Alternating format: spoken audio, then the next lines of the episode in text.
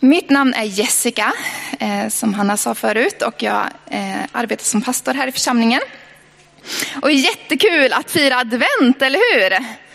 Yes, nu drar det mot jul här. I veckan så började jag lyssna på julmusik lite tidigt. Jag kunde inte hålla emot. I torsdags bara yes, jag ska börja.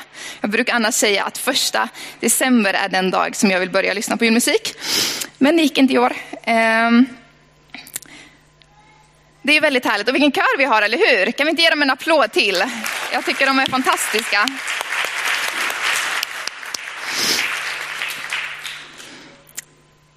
Så, advent. Jag tycker vi börjar med en bön. Herre Jesus, tack för att du är här. Eh, tack för att du vill Ja, men du vill möta med oss idag. Eh, du vill genom de här sångerna, men också genom ditt ord, tala till våra hjärtan idag. Och jag ber om att vi ska få öppna hjärtan för vad du vill säga. Eh, kom och, kom och möt oss där vi behöver mötas i all vår sorg, glädje, smärta, eh, upprymdhet över att julen kommer. I allt det så kom och möt oss. Jag ber också att du ska möta barnen på deras eh, undervisning, att du ska tala till dem och vara med dem och, och värna om dem. I Jesu namn. Amen. Jag tänkte att ni ska få börja med att prata lite med varandra.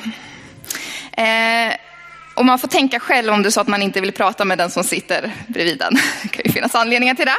Men, men vi ska börja med en fråga. Om ni var världens mäktigaste människa, alltså om ni hade mest inflytande, mest makt i hela världen, vad skulle ni göra av den makten då? Det är min fråga till er. Diskutera lite med dem ni vill. Ni får tänka själva också om ni vill.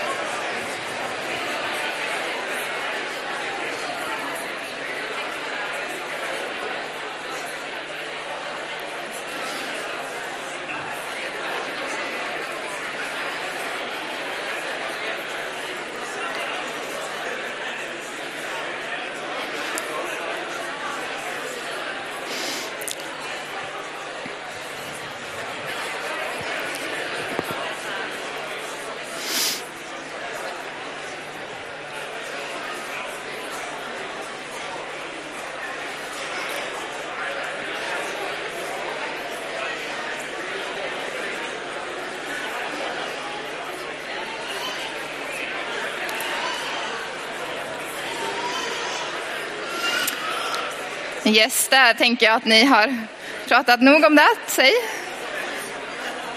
Är det någon som vågar säga någonting de skulle vilja göra? Det kanske inte är någon som vågar. Ja, säg. Ge den till Gud. Ah, det var ett bra svar. Söndagsskolesvar, eller hur? Ja, det var jättebra. Någon annan som vill säga någonting? Göra fika, det var ju ett jättebra. Mer fika åt folket, eller hur? Då skulle alla bli lite gladare. Jag håller med.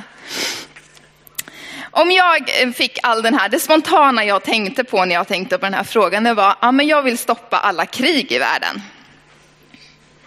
Det skulle vara en bra grej. Om jag hade mest makt i hela världen, då skulle jag stoppa alla krig. Sen skulle jag eventuellt också eh, se till att vi inte flög så mycket flygplan. Jag skulle nog stoppa flygtrafiken, för att den förstör miljön otroligt mycket. Mm, ja, det känns lite jobbigt för många tror jag. Ja. Och sen så skulle jag nog vilja se till att ehm, eh, prostitution försvann ifrån vår värld. Det tycker jag, det, det, skulle vara liksom, om jag skulle kämpa för någonting, då är det det.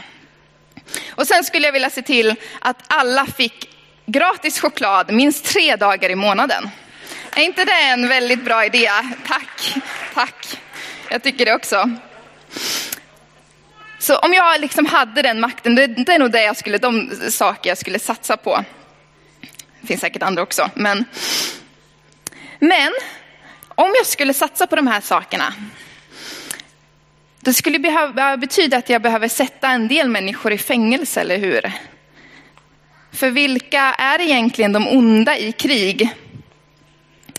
Eh, det är ju ganska svårt att avgöra vem som är ond i en konflikt eller i ett krig. För att på något sätt så är det så ofta så ihopblandat. Vilka är offer, vilka är goda, vilka är onda? Jättesvårt att säga. Och till slut skulle jag behöva bestämma vilka som är onda och goda och sen så får jag göra någonting åt dem som inte är det. Eh, sen, ja, sen så skulle det här med flygplan, det är ju en väldigt fin tanke liksom, för det räddar miljön. Men tänk på alla människor som inte har sina nära och kära i samma land. De skulle inte kunna åka till sina vänner, de skulle inte åka till sina, kunna åka till sina familjer. Eh, vissa skulle inte kunna sköta sina jobb. Ja, det, vissa skulle inte bli jätteglada om jag gjorde så. Ja, tack. Och vad, vad händer med alla de här, ja, men om jag sätter alla hallickar i fängelse, så att de prostituerade kan gå fria ifrån dem, vad händer då? Ja, risken är ju att det skapas nya hallickar som tar sig an de här kvinnorna. Eller att kvinnorna inte själva lyckas förändra sina liv för att de har blivit så traumatiserade. Det enda som kanske är riktigt enkelt att göra det är att ge alla människor fri choklad. Det tror jag skulle funka. Utan att bli en diktator. Utan att ge sig på människor och kräva att de ska tänka precis som jag, att de ska agera precis som jag och att de ska, ska liksom skapa den här, eller vara del av den här perfekta världen som jag tänker mig är en perfekt värld. För visst är det så att vi tänker en perfekt värld på lite olika sätt. Om jag skulle skapa en perfekt värld så skulle den se annorlunda ut än om Hanna skapade en perfekt värld. Eller om Kristin skapade en perfekt värld. Vilka medel skulle jag behöva använda för att skapa den här perfekta världen som jag tänker mig som perfekt? Jag skulle behöva använda en del medel som vi skulle kalla som diktatoriska medel för att kunna skapa den världen. För att människor, varken man tycker det är positivt eller negativt, har en fri vilja. Jättejobbigt, eller hur? Ibland önskar vi kanske att det inte vore så, men så är det. Och det betyder att varken Gud eller någon annan makt har möjlighet att, att styra en människas vilja. Visst, vi kan påverkas av saker. Vi påverkas av media, vi påverkas av det samhälle vi växer upp i. Vi påverkas av en massa, massa olika saker. Men vi har fortfarande en egen vilja. Vi kan besluta vad vi vill göra med våra liv. Vi kan välja att göra det som är gott med, med, med, våra liv och vi kan välja att göra det som är ont. Och beroende på hur vi har växt upp och de tankar vi har fått i våra liv så kommer vi tycka att vissa saker är goda och andra saker är onda. Och det kan se lite olika ut beroende på hur vi har växt upp.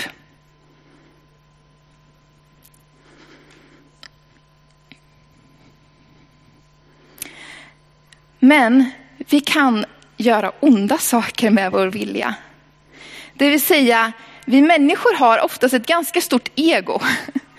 Ett ego som säger, ja men jag kan gärna tycka att andra ska få det bra så länge jag också har det bra. Och vi har ganska lätt för att sätta vårt eget jag framför andras jag. Att jag är viktigare än vad du är viktig. Och allt vi är med om i livet, allt det som händer, påverkar ju vårt hjärta, påverkar vår vilja att göra gott. Så när vi, när vi lever i avundsjuka eller ilska eller är missunnsamma mot andra människor eller eh, lever i rädsla, ja, men då påverkar det vår vilja att göra gott eller göra ont. Och när vi till exempel har starka begär efter pengar eller efter bekvämlighet så kommer det också påverka hur vi agerar mot andra människor. Vilket i sin tur leder till förtryck, till krig, till konflikter med mera. Bara för att ge ett exempel då. Ett stort problem vi har i samhället och det här är alla bara, varför pratar de så här på första advent? Men på första advent behöver vi också prata om sånt här. Ehm, Idag i, i världen så är slavhandeln betydligt eh, större än vad den faktiskt var på 1700-1800-talet då man skeppade slavar ifrån Afrika. Bara i Sverige så räknar man med att 400 till 600 kvinnor varje år skeppas in i Sverige för att finnas i sexindustrin. 400 till 600 kvinnor varje år. Det blir ganska många kvinnor. Varför? Jo, för att vissa ska kunna tillfredsställa sina sexuella begär. Därför. Och det, återigen, där är egot i centrum. Det är att jag ska få mina sexuella begär liksom tillfredsställa, tillfredsställda. Det handlar om jaget, egot, mig och mitt. Och i Bibeln så talar man om det här när vi sätter egot före, före andra för synd. Alltså vi, vi ser inte andra människors välmående före vårt eget. Och i Israel för så 3400 år sedan så, så såg man också det här. Man såg att världen är inte som den är tänkt att vara. Det är bara kaos och katastrof och vi människor lyckas liksom inte leva gott. Vi lyckas inte vara goda mot varandra. Och man, man kände så här, ah, det här är inte så världen är tänkt att vara. Och då började det höras rykten om en räddare.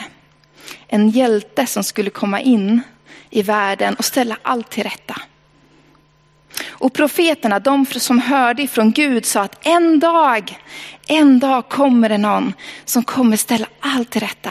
Som kommer skapa fred, som kommer skapa liksom, att vi, vi är goda mot varandra igen.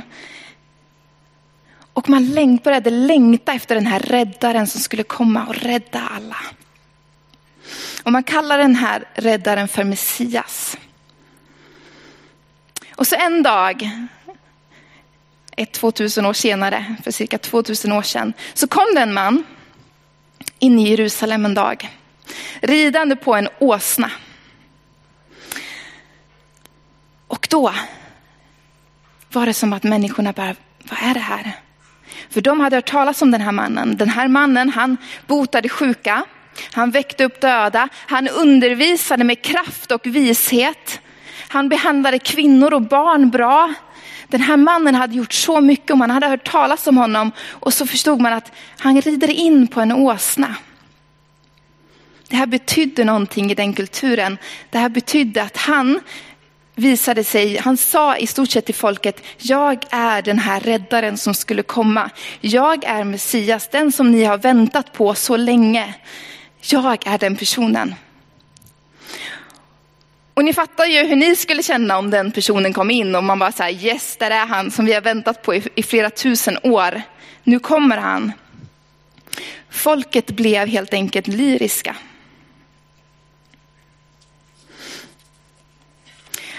Och det, stod, det står så här i Matteus 21, 4-5. Detta hände för att det som sagts genom profeten skulle uppfyllas. Säg till dotter Sion, se din konung kommer till dig ödmjuk och ridande på en åsna och på ett föl, ett lastdjurs föl. Det var alltså en profetia som de här profeterna hade sagt att kungen skulle komma in på en åsna.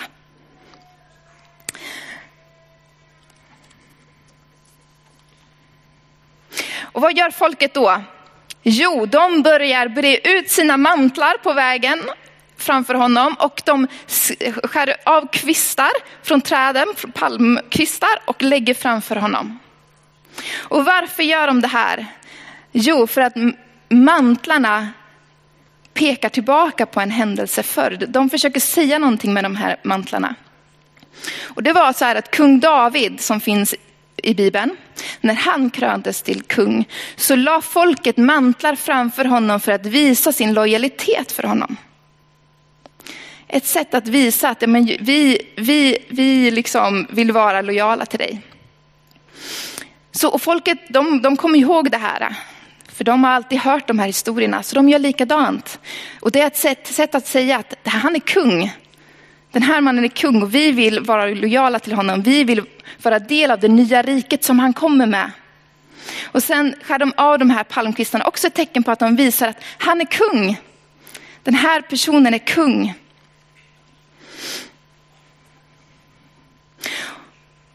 Och sen så ropar de ut orden som vi sjöng i början. Hosianna Davids son, välsignad är han som kommer i Herrens namn. Hosianna i höjden.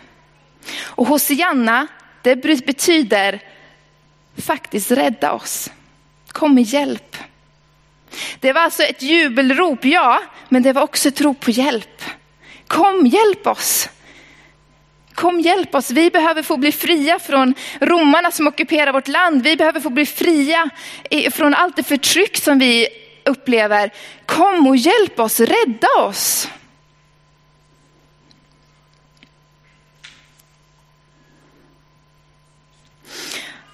Och så står det i Matteus 21, 10-11. När han drog in i Jerusalem blev det stor uppståndelse i hela staden och man frågade, vem är han? Och folket svarade, det är profeten Jesus från Nasaret i Galileen. Jesus var den här mannen som kom som Messias till människor. Till människorna för att rädda dem. Så, vad tänkte sig folket? Jo, folket tänkte yes, här är han. Han som ska samla ihop en armé, som ska slänga ut romarna ur vårt land, som ska bli kung över hela världen och skapa fred överallt. Här är han, han som kan ta all makt och, och liksom göra något gott utav den. Äntligen är han här. Men den här, den här kungen, han betedde sig inte riktigt som, som de hade tänkt sig att han skulle bete sig.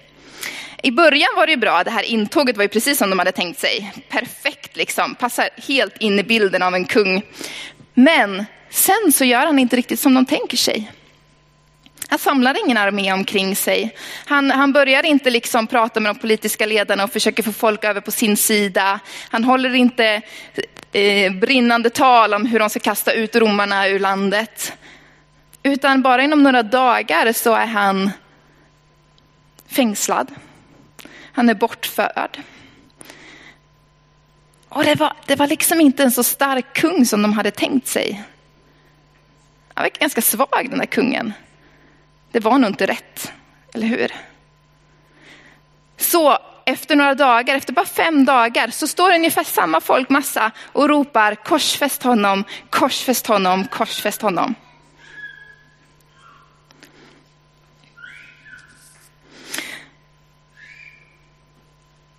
Och Jesus blir upphängd på ett kors. Han blir slagen, han blir fördömd, han blir, han dör.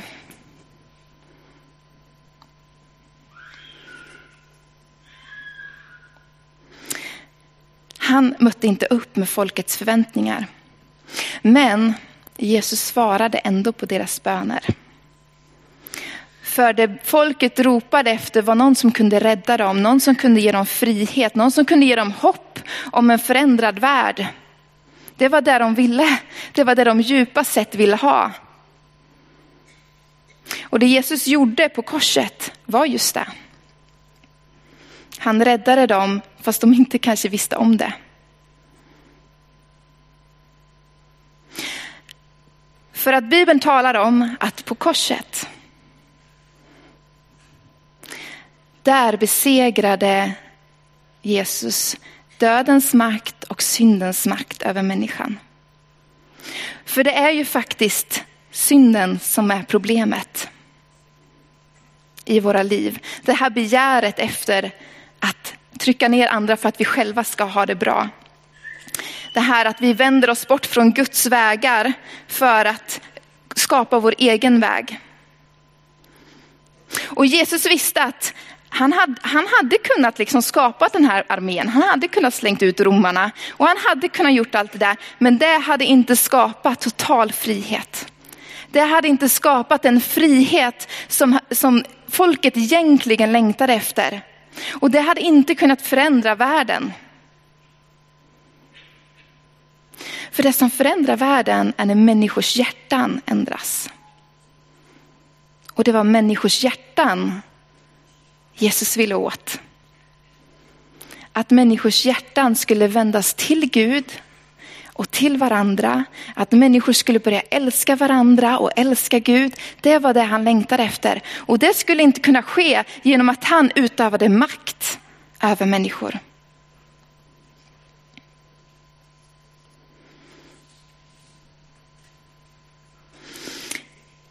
Så det Jesus gör är att han kommer ödmjukt istället. Han kommer ödmjukt in i våra liv och säger, jag dog för dig. Och jag vill, jag vill göra dig fri från synden och mörkrets makt. Jag vill ge dig ett evigt liv. Jag vill erbjuda dig en relation med Gud igen. Och så kommer han så till varje människa och möter varje människas hjärta istället och frågar, vill du, vill du ha en relation med mig? Vill du vara nära mig? Och så förändrar Gud världen.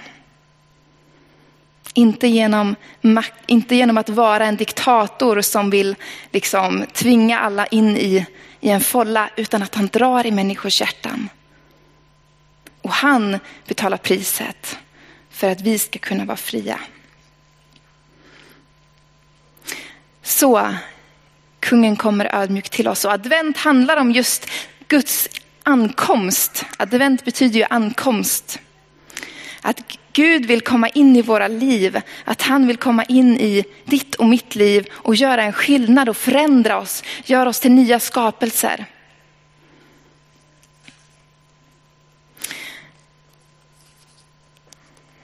Och i Filipperbrevet 2, 6-11 så står det så här. Han ägde Guds gestalt men vakade inte över sin jämlikhet med Gud utan avstod från allt och antog en tjänares gestalt och han blev som en av oss. När han till det yttre hade blivit människa gjorde han sig ödmjuk och var lydig ända till döden, döden på ett kors. Därför har Gud upphöjt honom över allt annat och gett honom den namn som står över alla andra namn.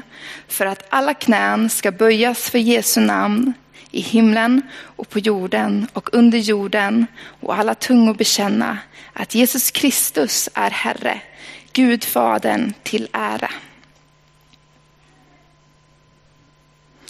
Jesus är den ödmjuke konungen, men han är också mäktig.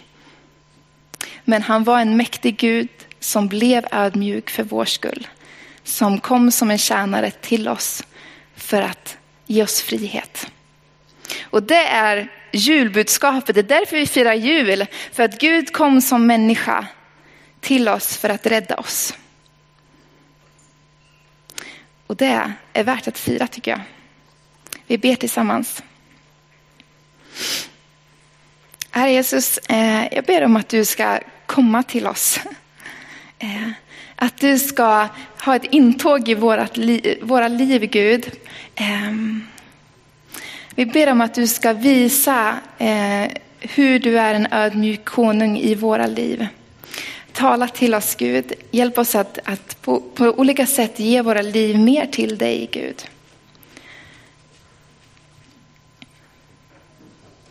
Kom och möt oss i denna stund, Herre.